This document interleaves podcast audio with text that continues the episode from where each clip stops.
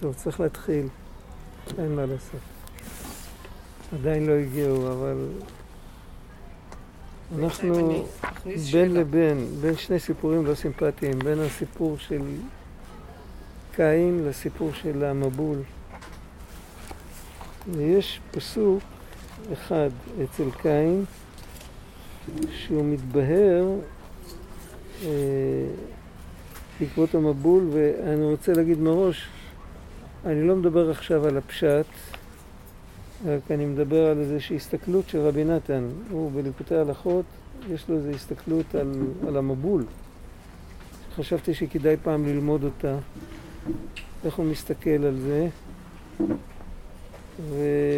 והפסוק אצל קין, ואחרי שכל הסיפור נגמר, כתוב ויצא קין מלפני השם וישב בארץ נוד קדמת עדן וידע קין את אשתו וטהר ותלד את חנוך ויהי בונה עיר. הראשון שבנה עיר היה קין. ויקרא שם העיר כשם בנו חנוך. התחביר הזה לא כתוב ויבן עיר או ויבנה עיר כמו בכל מקום בתנ"ך, כתוב במקום זה ויהי בונה עיר. אז אה, זאת אומרת זה הווה מתמשך. וזה באמת, אה, בעולם העתיק זה ככה היה, אם בן אדם הקדיש את עצמו לבנות עיר, זה הצורת החיים שלו. מה אתה עושה? אני בונה עיר. וזה רלוונטי ל-70 שנה הבאות. אנחנו לא יודעים כמה הוא היה חי. כמה הוא חי, אבל זה היה העיסוק שלו. זה לא שהוא בנה עיר ואחר כך הלך לדרכו. הוא היה בונה עיר. זה עכשיו, דיברנו על זה שבוע שעבר, שכל הדמויות פה הן חלק מאיתנו. אה, יש בנו את אדם ואת חווה ואת אה, קין ואת הבל ואת שת ואת הנחש. ואת אה, כל, כל אחד יש לו מקום באישיות שלנו. וגם קין וגם העיר שהוא בונה וכל זה, והוא בא לתת רמז שהעבודה הזאת של לבנות עיר, וזה התיקון של קין כנראה, התיקון של החלק הזה, זה עבודה לכל החיים. ואיך כתוב, מעט מעט אגרשנו מפניך, לא תאכל כלותו מהר, פן תרבה עליך חיית השדה. יש לפעמים דברים שהם לאט לאט, דיברנו על זה פעם. תות שדה אוכלים ככה. איך אוכלים אבטיח?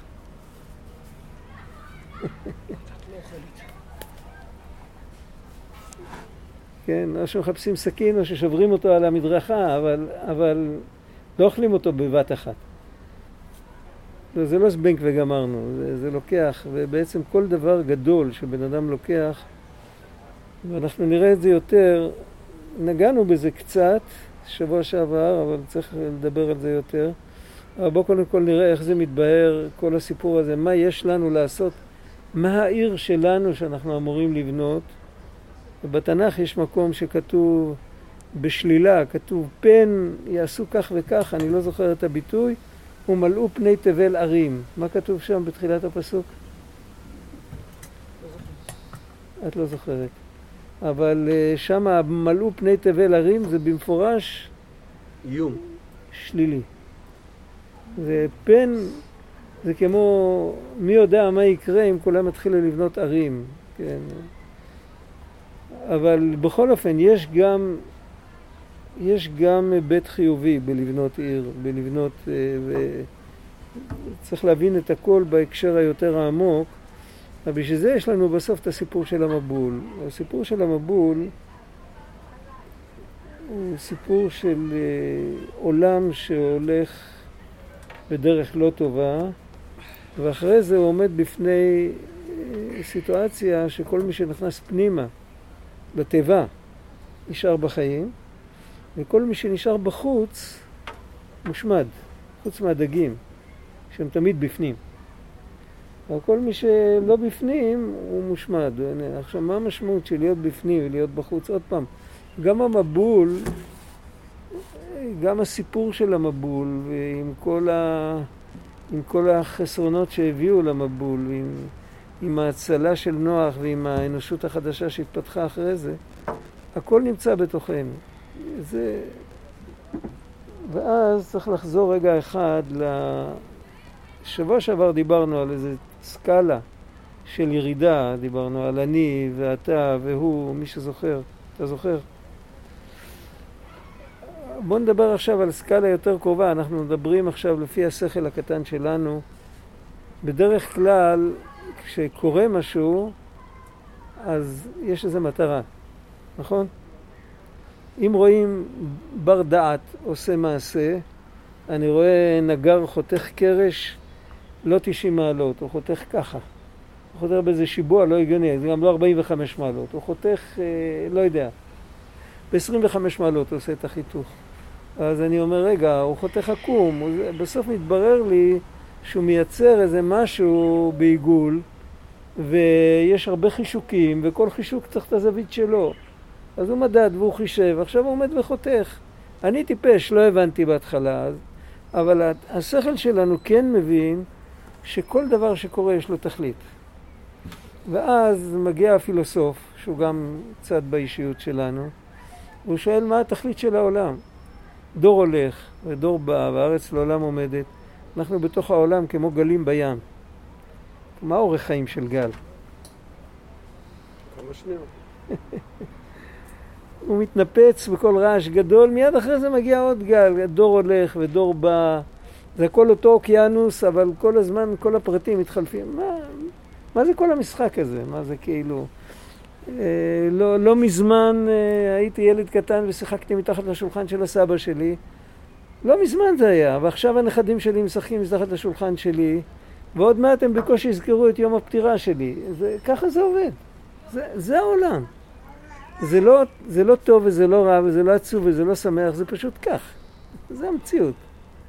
כשאומרים את זה, זה, זה מחריד, כן? אבל זה, זה המציאות, זה המציאות ככה, ממתי שנברא העולם, זה כל הזמן נראה ככה. עכשיו, מה, מה המטרה? לכאורה זה נראה דבר שאין לו מטרה. מי צריך את זה? אם זה לא היה, היה, קורה, היה חסר משהו?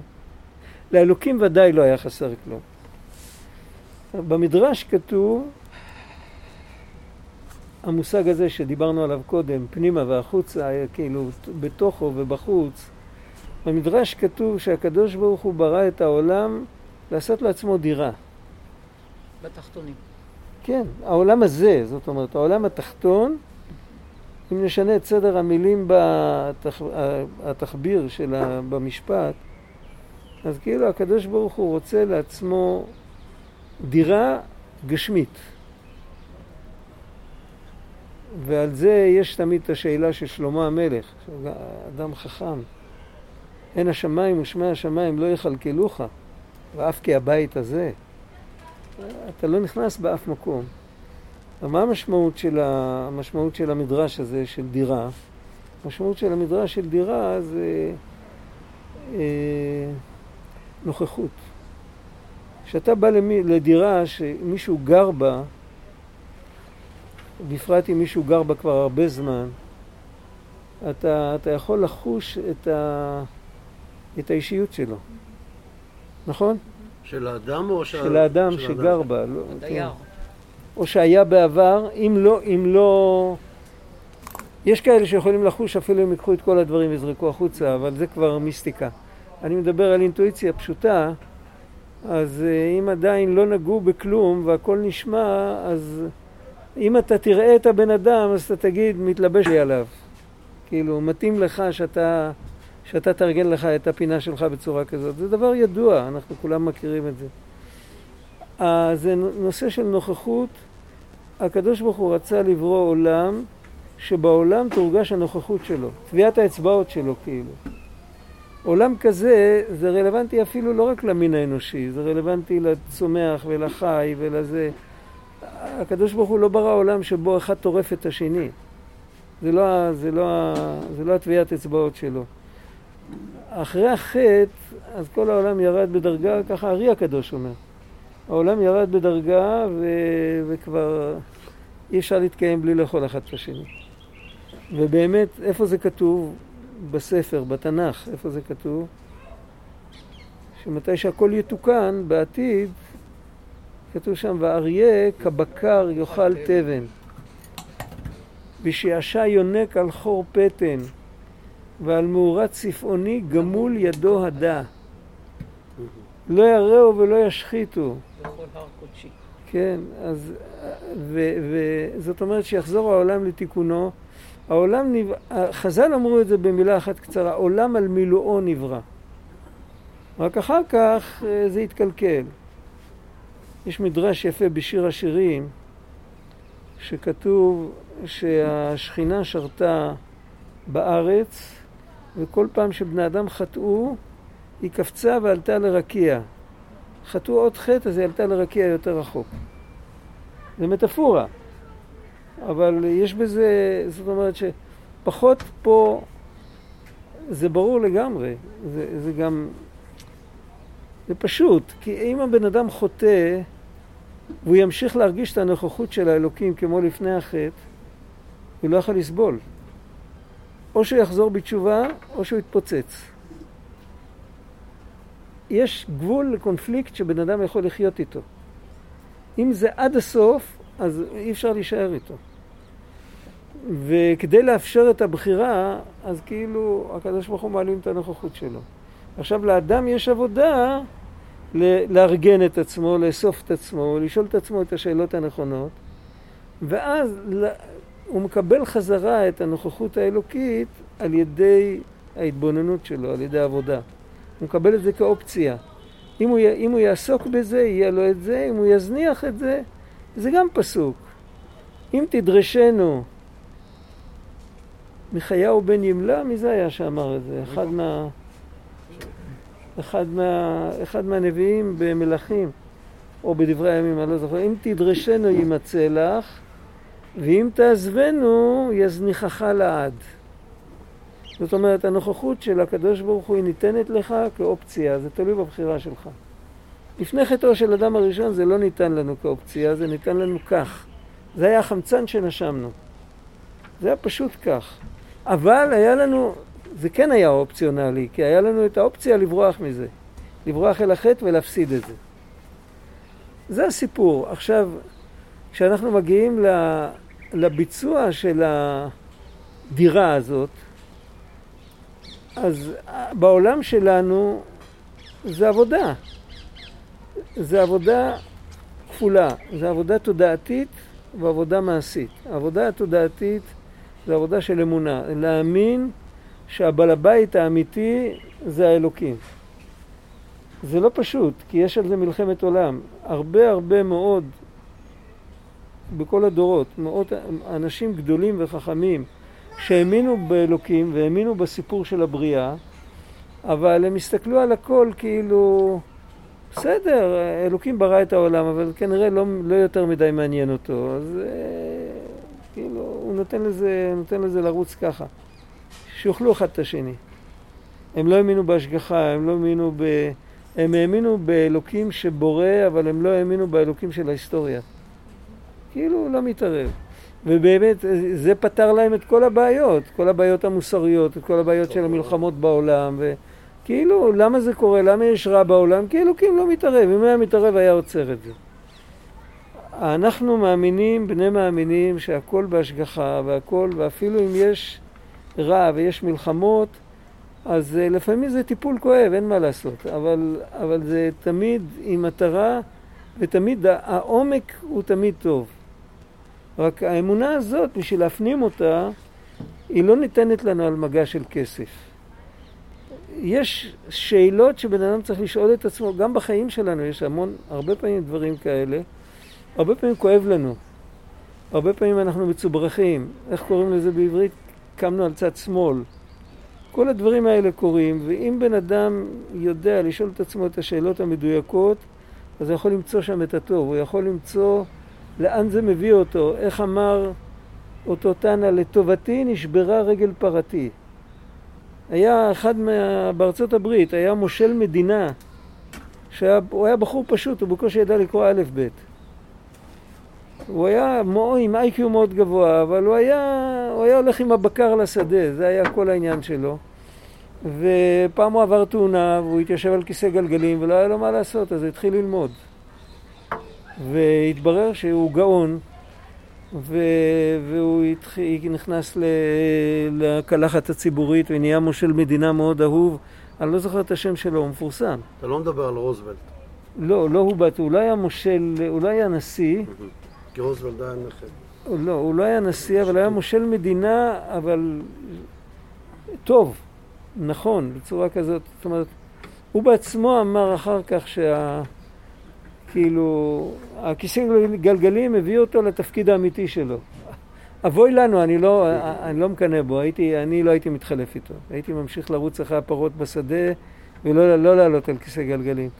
אבל כל אחד עם האופי שלו, וכל אחד... אה, הוא, זאת אומרת, יש לפעמים שהתנאים הקשים מעמידים בפנינו אתגר שאנחנו לא יכולים לעמוד בהם אם לא, אם לא נחשוף בתוכנו את הכוחות הכי עמוקים שלנו.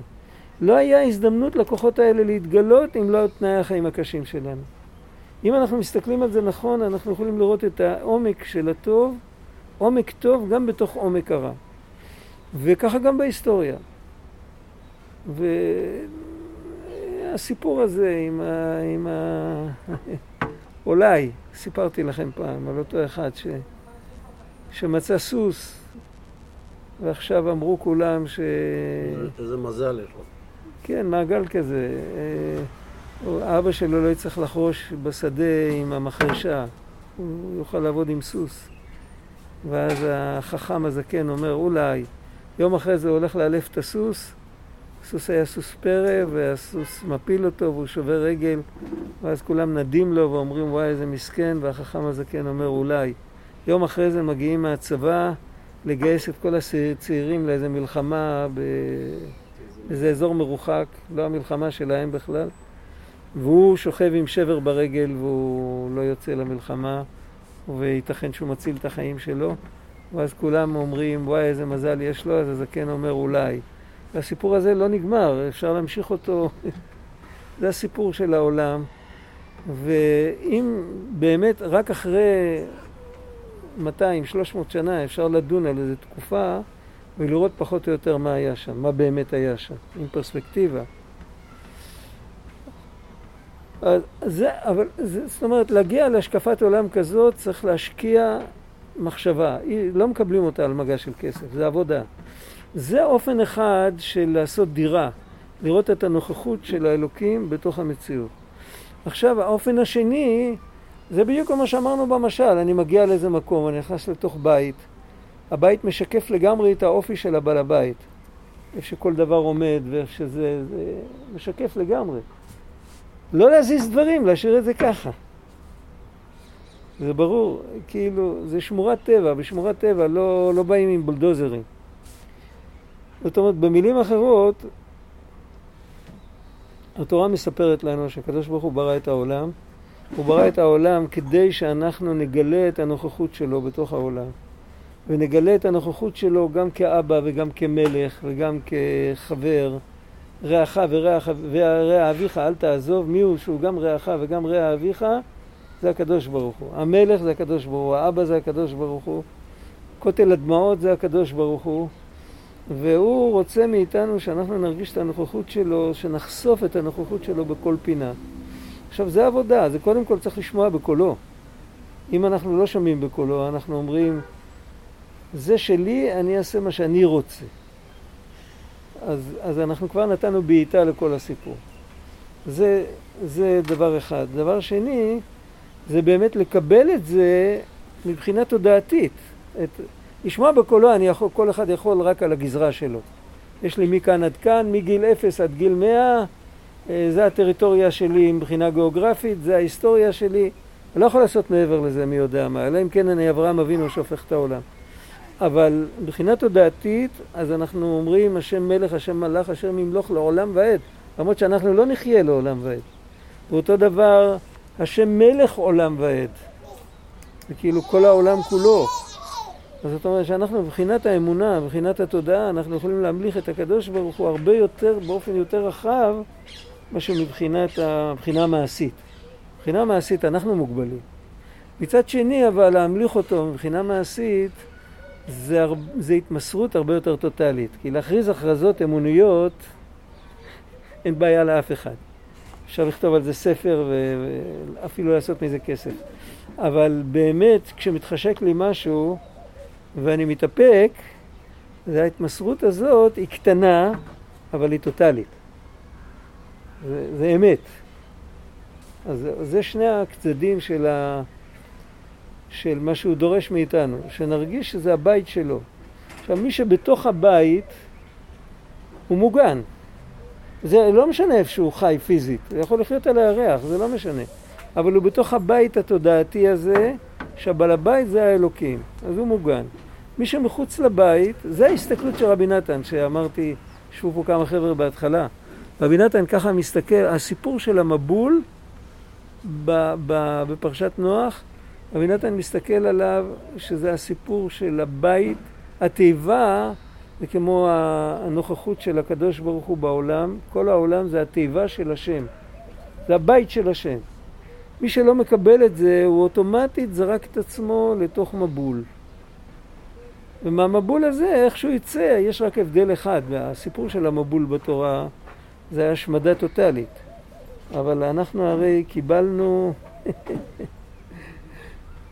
אולי שבוע הבא נשב שם בפינה, בדיוק מתחת לקיר, ושם לא יהיה שום בעיה. זה יהיה הכי טוב. נשב מתחת לעץ. צריך צל? יש שיפור. אה, זה לא... תיכנס פנימה, תיכנס פנימה, רק קח את הבול עץ ותיכנס פנימה. לא בול עץ, שישב פה. תעלה, תעלה על הקרש. תעלה על הגזע, אז תגיע. זהו. אשריך. תודה רבה. כמה כל השיעור שלך? כן, בשמחה. מאה אחוז. זהו. אז מי שנמצא בפנים, נמצא בפנים. מי שבחוץ, הוא במצולות ים. רבי נתן כתב יהי רצון, אחרי התיקון כללי, יהי רצון הקצר הזה. זוכרים מה כתוב שם? ממצולות ים תוציאני לאור גדול. נכון? כתוב שם שורה כזאת? חיש קל. חיש קל מהרה. מצולות...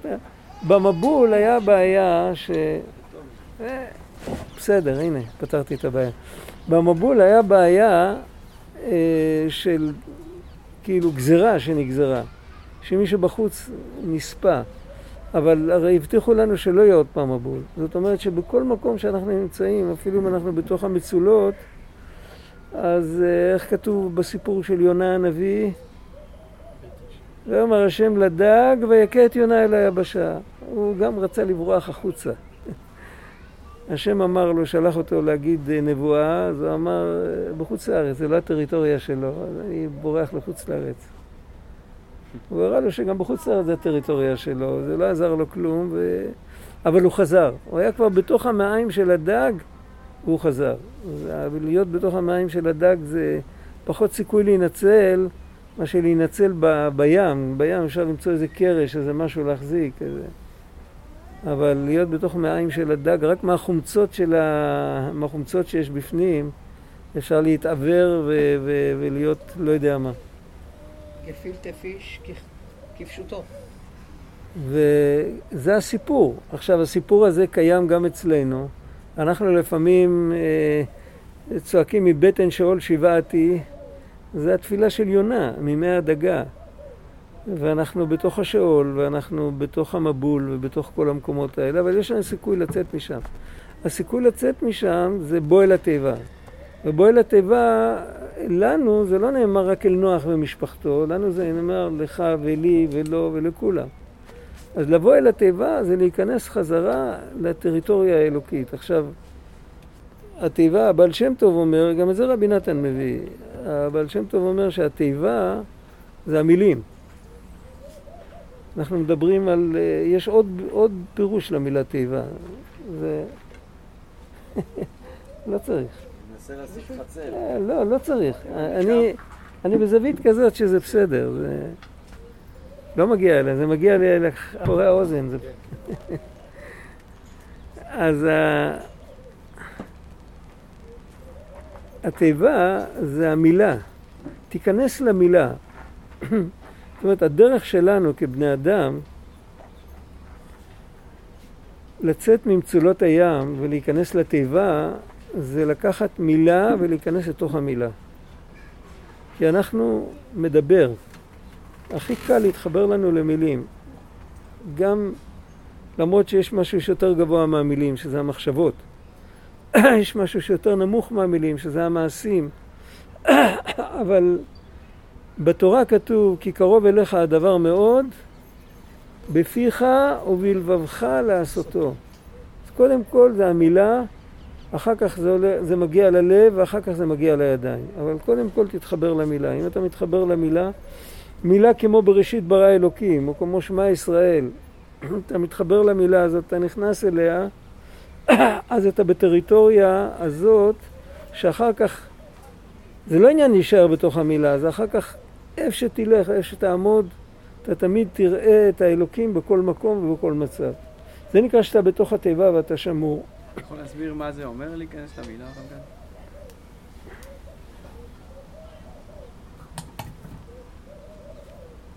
אם תשמע את ההמשך, אז אה, אי אפשר להבין דבר בלי להבין את ההפך. בואו נדבר מה זה נקרא לא להיכנס למילה. לא להיכנס למילה זה לשכוח. בבוקר אנחנו אומרים שמע ישראל, ואחר כך, כאילו, אין לזה המשך. אפילו לא משאיר עלינו רושם. זה רוטינה כזאת, זה כמו שבבוקר מצחצחים שיניים, זה, זה אותו דבר, אין לזה, אין לזה המשך. אבל אם בן אדם נכנס אל המילה, אז הוא לא שוכח. להיכנס לתוך משהו, איך אפשר להסביר מה זה נקרא להיכנס לתוך משהו?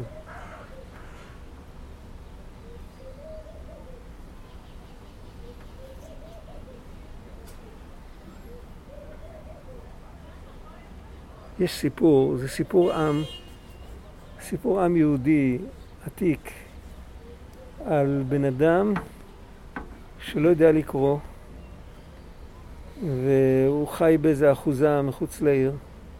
ואת הילדים הוא לא יכול לשלוח לבית ספר כי, כי אין בית ספר שם, אבל יש לו הרבה כסף, אז הוא שוכר מורה שיגור אצלו באחוזה וילמד את, את כל הילדים שלו, כל אחד בתורו. הילדים הם קטנים, וכל פעם שמגיע מכתב, איזה מסמך, איזה משהו מהמשפחה, או רשמי או זה, אז המורה מקריא לו את ה... זה חלק מהעבודה שלו, הוא מקריא לו את המכתבים. פעם הוא מקבל מכתב שאבא שלו נפטר. והמורה מקריא לו את המכתב, מקריא לו ערימה של מסמכים, שכל זה אתה צריך לשלם זה וזה. אנחנו מצטערים להודיע לך שאביך נפטר בתאריך זה וזה. ואז הבן ששומע את זה, אותו אחד שלא יודע לקרוא, מתעלף. אבא שלו נפטר, הוא שומע את זה פתאום. לקרוא, הוא לא יודע. אם היו נותנים לו את הנייר, הוא לא היה מתעלף. ואותו אחד שיודע לקרוא ושמבין את הכל, את כל, כל כך מלומד כזה גדול ויודע ללמד וכל זה, הוא לא מתעלף. כי הוא לא נכנס אל המילה. הוא מקריא את זה, זה חלק מהעבודה שלו. ההוא שומע את המילה הזאת, הוא נכנס אליה, היא נכנסת בו, והוא נכנס בה, והוא מתעלף. זה ברור? זאת אומרת, אם, אם אנחנו נכנסים ל, ל, לראש כזה ש... בוא נגיד, בוא נגיד שאת פרשת שמע ישראל היינו מקבלים בדואר הביתה, זה סיטואציה מצחיקה, זה לא יכול להיות, כן, אבל... היינו מקבלים את זה במעטפה, והיה כתוב מאחורי זה האלוקים השוכן בציון, שם השולח. וכאילו, לא ממוען אליך, כן, מספר אישי, מספר תעודת זהות, אה, מה שאתה רוצה, מספר טלפון. אפילו את הקוד של הקרדיט קארט יהיה כתוב שם. בדואר ישראל זה לא היה מגיע. בדואר ישראל זה לא, לא יעבור. זה יבוא מאיזשהו מקום, איזה דואר בינלאומי, לא יודע, בין כוכבי, תחשבו מה שאתם רוצים בצורה הכי פרימיטיבית שאנחנו יכולים לחשוב. ילד יכול לפנטז כל מיני פנטזיות כאלה. כמובן שזה לא שייך, אבל, אבל אם נגיד היה מגיע משהו כזה, ואם הייתי יודע שזה אמיתי, אז הייתי נכנס אל המילה, לא הייתי קורא את זה כמו שאני קורא מסמך מהבנק או, מה, או מה, מאיזה, ממשרד הפנים או משהו כזה. הייתי מתייחס לזה אחרת לגמרי.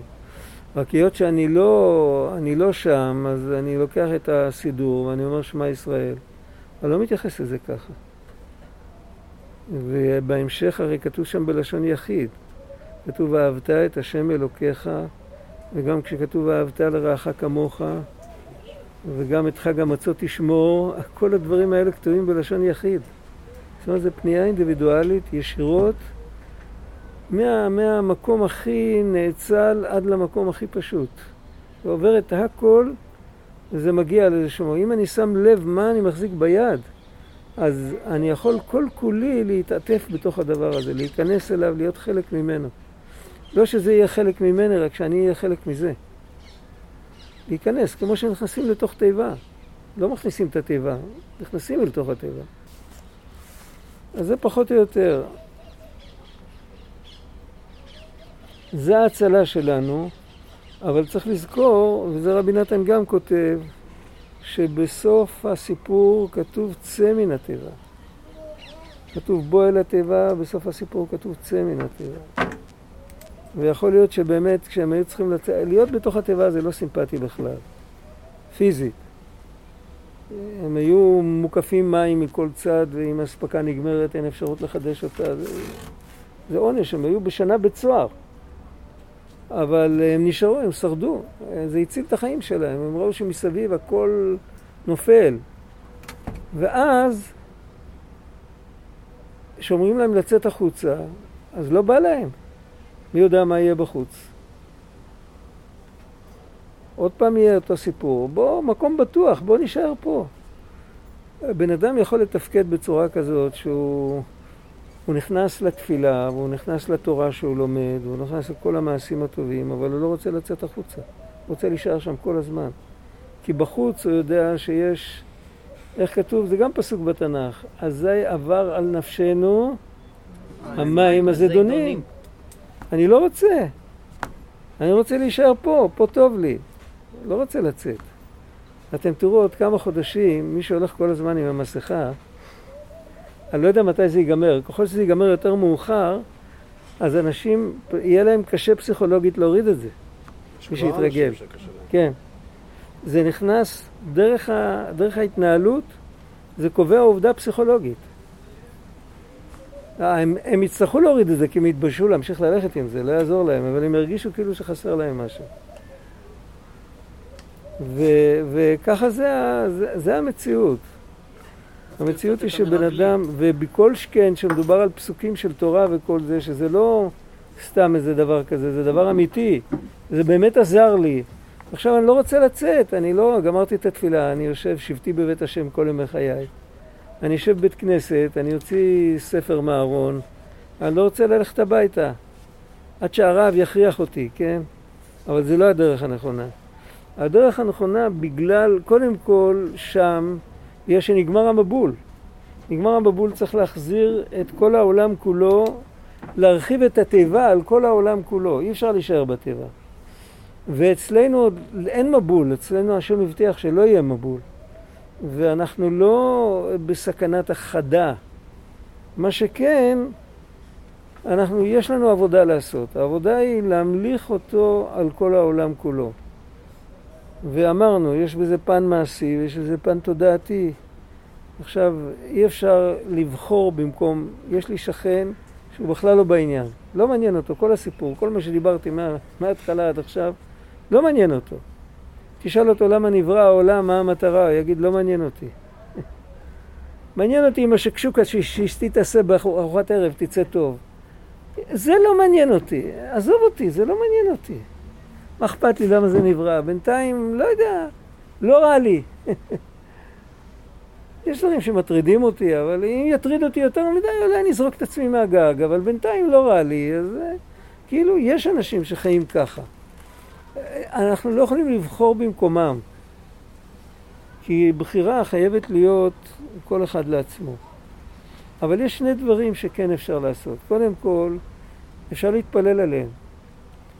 החזון איש כתב באחד מהאגרות שלו, מישהו שאל אותו שאלה מעניינת, הוא אומר, יש לי חבר, אני אתפלל עליו שהוא יהיה צדיק.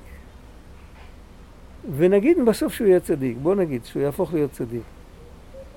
אבל הוא נהיה צדיק לא עם העבודה שלו, אני התפללתי עליו. זה שווה? אז החזון איש עונה לו, זה שווה בגלל שאנחנו כולנו אחד.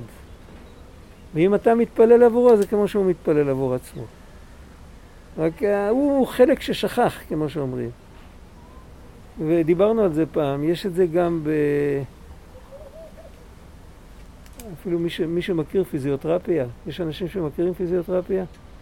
יש כל מיני שיטות בפיזיותרפיה, אבל יש פיזיותרפיה, מה שנקרא פיזיותרפיה אלטרנטיבית. יש, יש דבר כזה. אז uh, שמה לא הולכים אף פעם בכוח. זורמים עם הגוף. לא, כשהולכים בכוח בדרך כלל זה באמת עושה נזק.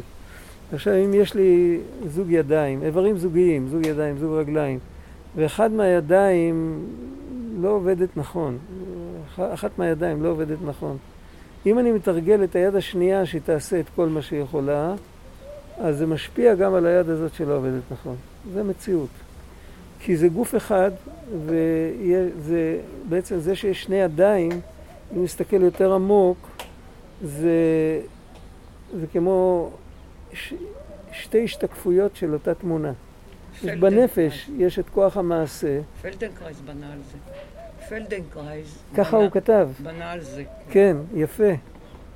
יפה, אני לא, אני, היה לי פעם את הספר שלו, אחד מהספרים שלו, ו... אבל זה היה כל כך ארוך וכל כך עמוק שלא הספקתי לקרוא אותו. הייתי עוד בחור צעיר. ו... הוא בונה על זה. הוא היה נכד של רבי פנחס מקורץ. כן. כן, היה לו ראש של אדמו"ר. הוא לא היה סתם איזה קוטל קנים באגם. בסדר, אבל הוא לא הוא יישם... הצליח להעמיד את בן גוריון על הראש. מה אתם צריכים יותר מזה? אבל לא את עצמו. מה? אבל לא את עצמו. לא את עצמו. אבל על כל פנים, זה נכון, זאת אומרת, זה, זה נכון, זה, אנחנו יודעים מהניסיון שזה כך, ששני הצדדים הם השתקפות של נקודה אחת פנימית, ששני הצדדים האלה זה רק ההשתקפות שלה. ואם לפחות צד אחד עושה את מה שהוא יכול, אז אם מדברים על הנשמות, אז ודאי שזה כך. אם ברוך השם, אנחנו, יש לנו את האמונה שאיך אמר הבעל שם טוב, האלוקים זה הכל והכל זה אלוקים. אם יש לנו את האמונה בשלמות, אז אם אנחנו מתפללים על מישהו אחר, אז זה במפורש נופל לו האסימון אחר כך, וזה נחשב כאילו הוא התפלל. כי אנחנו בפנימיות אנחנו דבר אחד. זה מה שהחזון איש כותב שם באיגרת הזאת, הוא כותב את זה בשני מילים. אני פשוט הרחבתי את זה, אבל זה מה שכתוב שם. דבר נוסף, זה דבר אחד שאפשר לעשות, להתפלל. להתפלל כמו שאם יש קרוב שסובל, מותר להתפלל עליו. אם יש קרוב שהוא כאילו בתוך מצולות ים, מותר להתפלל עליו. זה עניין אחד. העניין השני זה לגרום לבן אדם, זה, זה כבר צריך באמת, אה, צריך להשקיע חשיבה, צריך לדעת איך להסתכל על דברים לא, בצורה לא רגילה, לגרום לבן אדם ש... אפשר לגרום לבן אדם ש... שדברים שאצלו היו מובנים מאליו כל הזמן, שפתאום יתחיל לשאול עליהם מאיפה אני יודע שזה באמת ככה. זה ברור? כי הבן אדם חי, הוא לא שואל את עצמו כלום, הוא כאילו הוא חי בתוך אה, אי הבנה אחת גדול. טוב לו וזהו, הוא לא שואל שאלות. לא מעניין אותו למה הוא פה, אה, איך כתוב שם, אה, ובחושך שמו יכוסה, איך כתוב? בהבל יבוא, ובחושך שמו יכוסה, משהו כזה. כאילו, אבל הבלים, הוא זורם, הוא רק זורם, אין לו שום תוכן. הוא לא יודע למה הוא בא ולא יודע למה הוא הולך. זה נראה, זה לא נראה רע כל כך אצלנו. בסדר, טוב לו בינתיים, מה אתה רוצה ממנו? מה, למה לך סתם לבלבל אותו? אבל האמת שבגיל מסוים בן אדם מתחיל להסתכל אחורנית ואז מתחילים לבוא השאלות כשהוא כבר לא יכול לעזור לעצמו. וזה מאוד, אז זה מתחיל להיות מאוד קשה. ואפשר לגרום, חז"ל עשו לנו את זה במשנה, דע מאין באת, לאן אתה הולך. כאילו כל הדברים האלה שבאתי עם איזשהו מקום ואני הולך לאיזשהו מקום, זה מובן מאליו, אף אחד לא שואל על זה שאלות. חז"ל שאלו על זה שאלות כדי לדרבן אותנו להתחיל לחשוב. יש לפעמים שבן אדם אומר משפט, אנחנו לא יכולים, אם יש לי שכן שהוא לא בעניין, אני לא יכול לשאול אותו מאין באת, לאן אתה הולך. הוא יזרוק לי מגבת בראש או בקבוק. אבל אני כן יכול להתבטא בצורה כזאת שתגרום לו לשאול את עצמו את השאלות. אה, בסיפור, הזה, דרך אגב, זה סיפור סיני. בסיפור על, ה, על הבחור שמצא את הסוס ושנשבר לו הרגל וכל זה, אז uh, הזקן שכל הזמן באים לספר לו, הוא אומר על כל דבר אולי. והאולי הזה, האולי עושה את כל הסיפור. והרבה פעמים שאומרים למישהו כזה שהוא לא אוהב לחשוב, והוא מדבר, הרי מדברים, אנחנו כל הזמן מדברים עם אנשים. וכשהוא מציג את המובן מאליו שלו, מספיק שאתה אומר לו רק את המילה אולי, אתה כבר אה, כאילו נתת, נתת דקירה בבלון נפוח, וכל האוויר יצא. והאולי הזה יכול אחר כך להפריע לו לישון בלילה, ומחרת בבוקר הוא יבוא לדבר עוד פעם, אי אפשר לדעת. צריך לעשות את זה עם חוכמה, אבל העבודה שלנו, להגיד את האולי, זה לצאת מהתיבה. אדם שלא יוצא מהתיבה, לא פוגש אנשים שצריך להגיד להם אולי. הוא לא פוגש חבר'ה כאלה. הוא נמצא כל הזמן בפנים. יש סיפור כזה על רבי נתן, שהוא פגש מישהו שהוא ממש היה כופר, ואז uh, הוא התחיל לתאר לו את הזמן שהוא ימות. ואז כן, הוא אמר כן, לו, כן, אבל כן. אתה לא תדע, אתה לא כן. תדע, אולי באמת יש עולם כן, הבא, כן, כן, כן. תיתן שם הוא. עשה את זה בהרחבה. כי ההוא, הזה שעמד מולו, אנחנו יודעים מי זה היה, היה אחד מגדולי הסופרים בתקופת ההשכלה. הוא היה איש חכם מאוד, יכלו לדבר איתו. אתה מבין? הוא היה בן אדם מנומס. אבל אם זה היה אחד כזה שקופצים לו הפיוזים, אז היה אמר לו, נו, נו, אולי, אולי היה מוס- מוסיף לו. כל הסיפור הזה, כן, זה סיפור אמיתי. אני לא, ברגע שכחתי את השם, שכחתי, הוא אישיות ידועה, כאילו, מכיר... אה? לא הירש משהו. אה? לא הירש משהו. לא, באוקראינה. לא, היה שם- אה, לא, מה פתאום, זה, לא- שם ממערב אירופה, אין, באוקראינה אין שמות כאלה. אה, הירשבר ואלה, לא, הם היו, הם לא היו, לא. הוא היה בן אדם שהיה יותר שייך, יותר קרוב ליהדות מהם. זה גם היה בתקופה שהם כבר לא היו שם, זו הייתה תקופה יותר מאוחרת. אם אני זוכר, אני אגיד לך את השם, אני לא זוכר כרגע. אבל על כל פנים, מה כל זה קשור ל"ויהי בונה עיר"? ודיברנו על המבול ועל זה, אבל צריך להבין, מזה אפשר להבין גם את הלשון הווה שכתוב שם, ויהי בונה עיר. לבנות עיר בהקשר הזה, זה לא סתם לבנות מקום שבו בני אדם יגורו, אלא להפוך את המדבר לעיר בהקשר הזה, זה כמו להפוך את מצולות הים לתיבה. להפוך את המקום הסתמי, שאין בו תודעה ואין בו כלום, ואף אחד לא יודע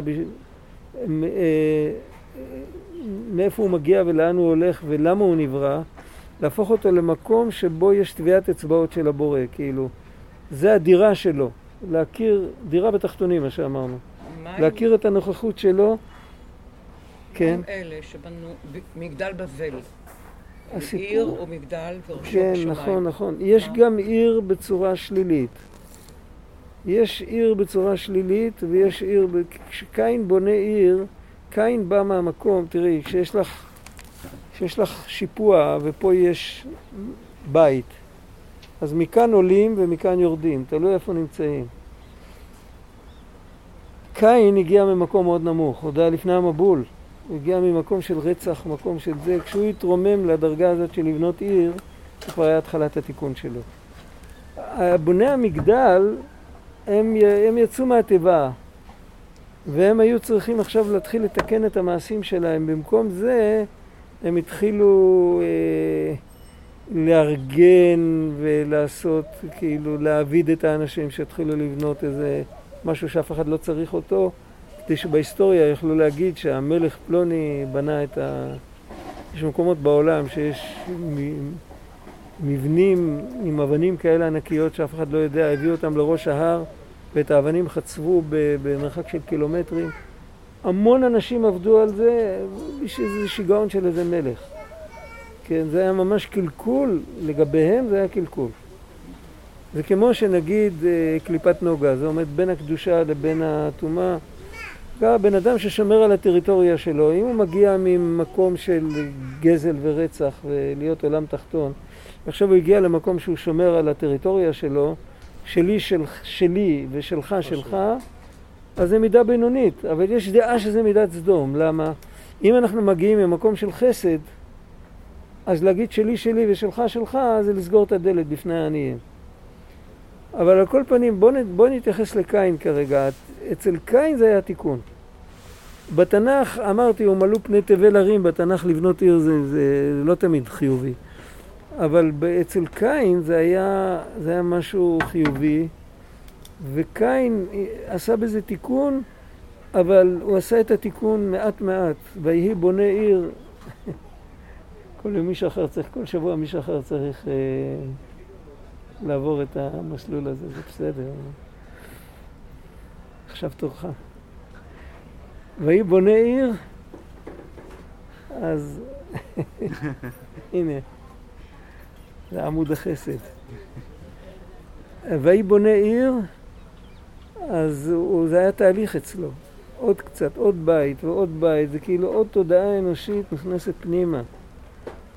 וזו העבודה שאנחנו יכולים לאמץ גם בתוכנו. אנחנו כולנו אה, אמרנו, יש בנו את אדם ואת חווה ואת קין ואת הבל ואת שת ואת למך ואת נוח ואת שלושת בניו ואת, ואת, ואת כל הרשעים שנספו במבול. הכל הכל יש לנו בפנים. ועכשיו העבודה שלנו זה לאסוף את כולם. זה כמו שאחד עומד ברחוב וצועק מנחה. מכניס את כולם לבית כנסת. יש לנו עבודה כזאת, לאסוף את כולם, להכיל עליהם את האמונה הפשוטה שהשם עם כולם ובכל מקום. יש בזה הרבה, יש אולי, אפשר אולי לספור בעבודה הזאת. אה, יש הרבה אופנים לעבודה הזאת, הרבה. אני ספרתי פעם 15, הרגשתי שאני מפספס. אפשר להגיע ל-20, 30, כל מיני צורות איך לגשת לעניין הזה, מכל מיני זוויות. ואולי נדבר על זה פעם, אה, אולי נעשה, ננסה לתאר כל פעם משהו אחר, אבל צריך לזרום עם הפסוק. אז במשך הזמן הפסוקים ידווחו לנו כל פעם על מישהו שמנסה להתקרב לקדוש ברוך הוא בשיטה מסוימת, אחת.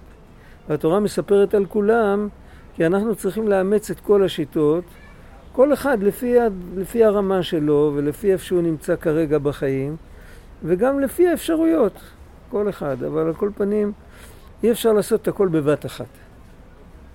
אבל בשביל זה זה כתוב בלשון הווה מתמשך כזה, ויהי בונה, לא כתוב ויבנה, אלא ויהי בונה עיר. זה תהליך, יש תרבויות שבן אדם מתחתן, אז הוא בונה חדר. אחרי זה נולד לו ילד, הוא בונה עוד חדר. אחרי זה נולדת ילדה, אז עוד חדר. וכל, זה צורת חיים כזאת. כל החיים בונים את הבית. אחר כך הילדים גודלים, אז יש איזה ילד שמקבל את הבית הזה, והילדים האחרים חוזרים על התהליך במקום אחר, עוד פעם. מתחתנים, בונים חדר, אחרי זה בונים עוד חדר ועוד חדר. אנחנו רגילים אה, לעבוד קשה, להוציא את הנשמה, אחר כך לקבל מפתח מהקבלן או, או לקבל חוזה שכירות. אנחנו חיים אחרת, כי כל החיים שלנו הם לחיצות כפתור ואנחנו אוהבים לראות את הכל באותו רגע. אבל באמת, יש לנו, יש לנו הרבה עבודה לעשות. אם רוצים לעשות הכל בבת אחת, אי אפשר לעשות שום דבר. ועל זה רבנו אמר את הפסוק, היום מבקולו תשמעו. שבן אדם צריך לדאוג כל פעם לקטע הנוכחי, כאילו. את הפסיעה הזאת אתה יכול לפסוע, תפסע, אל תחשוב הלאה. כרגע, ברגע, ברגע הזה, אם נגיד בן אדם רואה בתוך עצמו, יש איזה תורה בליקוטי מהר"ן, בתורה נ"ב.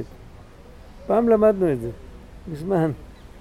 בן אדם רואה נגיד שהוא אוהב לכעוס, יש לו מידה רעה, הוא אוהב, הוא, הוא גאוותן. חושב שהכל מגיע לו, יש כל אחד עם המידה שלו.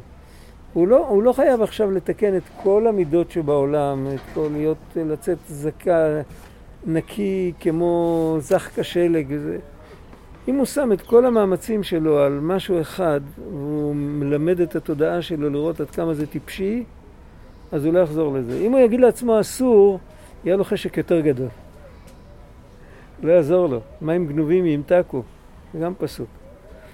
אבל אם הוא, אם הוא יראה בעיניים שזה טיפשי, שזה פשוט לא נכון, וגם זה על ידי שאלות, הוא שואל את עצמו כאילו מה, מה קרה.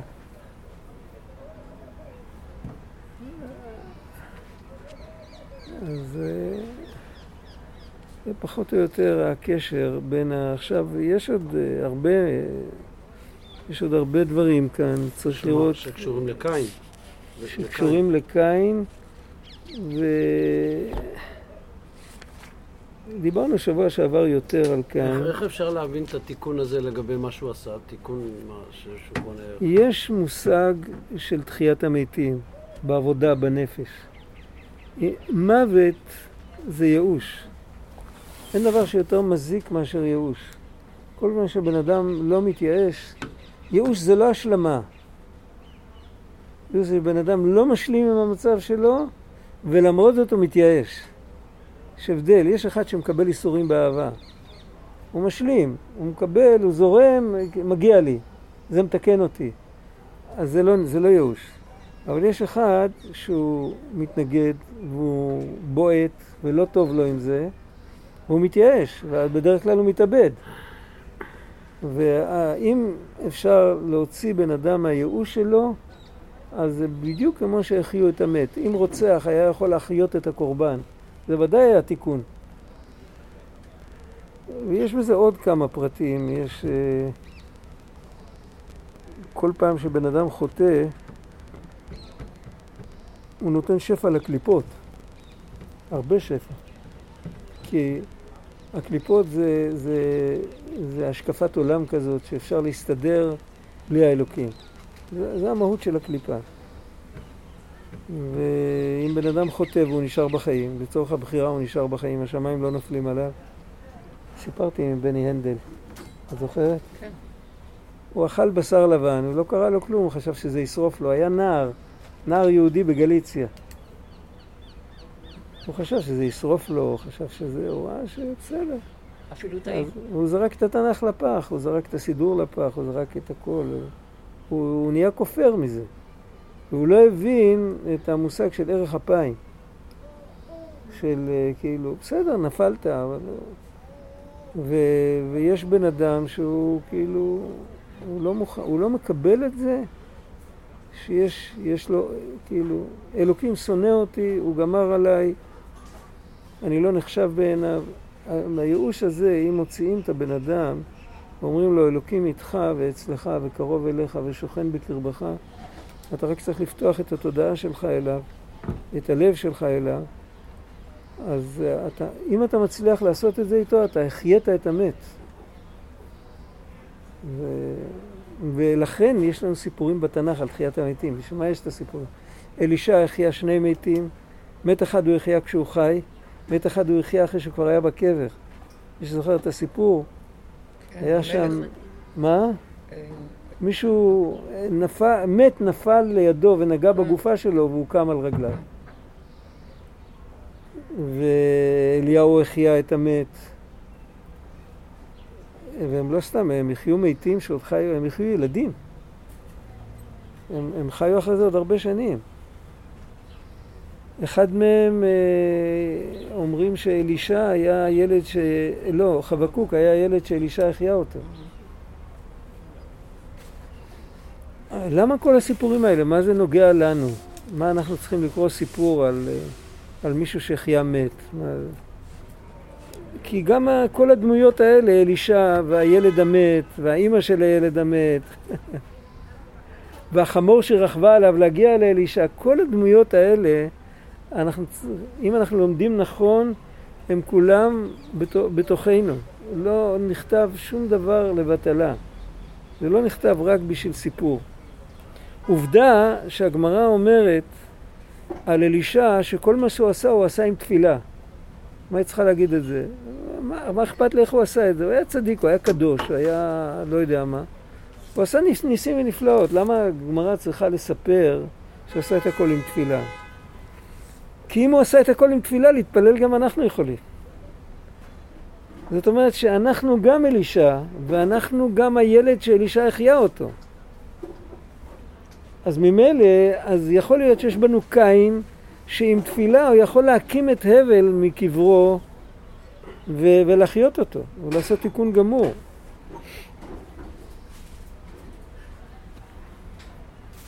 או כמו שאומרים, לצאת מהתיבה ולהכניס את כל העולם חזרה לתיבה, ו... או לייבש את המים של המבול. אז היה גזרה, אבל היום אין גזרה. היום יש מבול, אז אפשר לייבש אותו. אפשר לעשות תיקון בכל מצב. האם הסיפור של למך, האם מה? הסיפור של למך, כן, שהוא מספר לאנשים שלו שהוא הרג כן. ילד. כן, ל- כן. ילד לחברו, זה אמיתי? זאת אומרת, גם הוא היה רוצח? הוא, הוא בכל אופן, בסיפור, אם מקבלים את. הסיפור ככה, זה היה בשוגג. הוא, זה היה בשוגג. אבל יש שם, צריך להסתכל, קודם כל יש דעה שהוא לא הרג אף אחד. והוא דיבר על קין בכלל.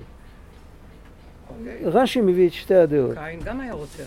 קין היה רוצח, אבל הוא דיבר על זה שבגלל הגזרה שנגזרה על קין, אז אולי ממ- מ- מה- מהדור של למך כבר לא יישארו ילדים יותר, עוד מעט יהיה המבול. כאילו שזה קשור.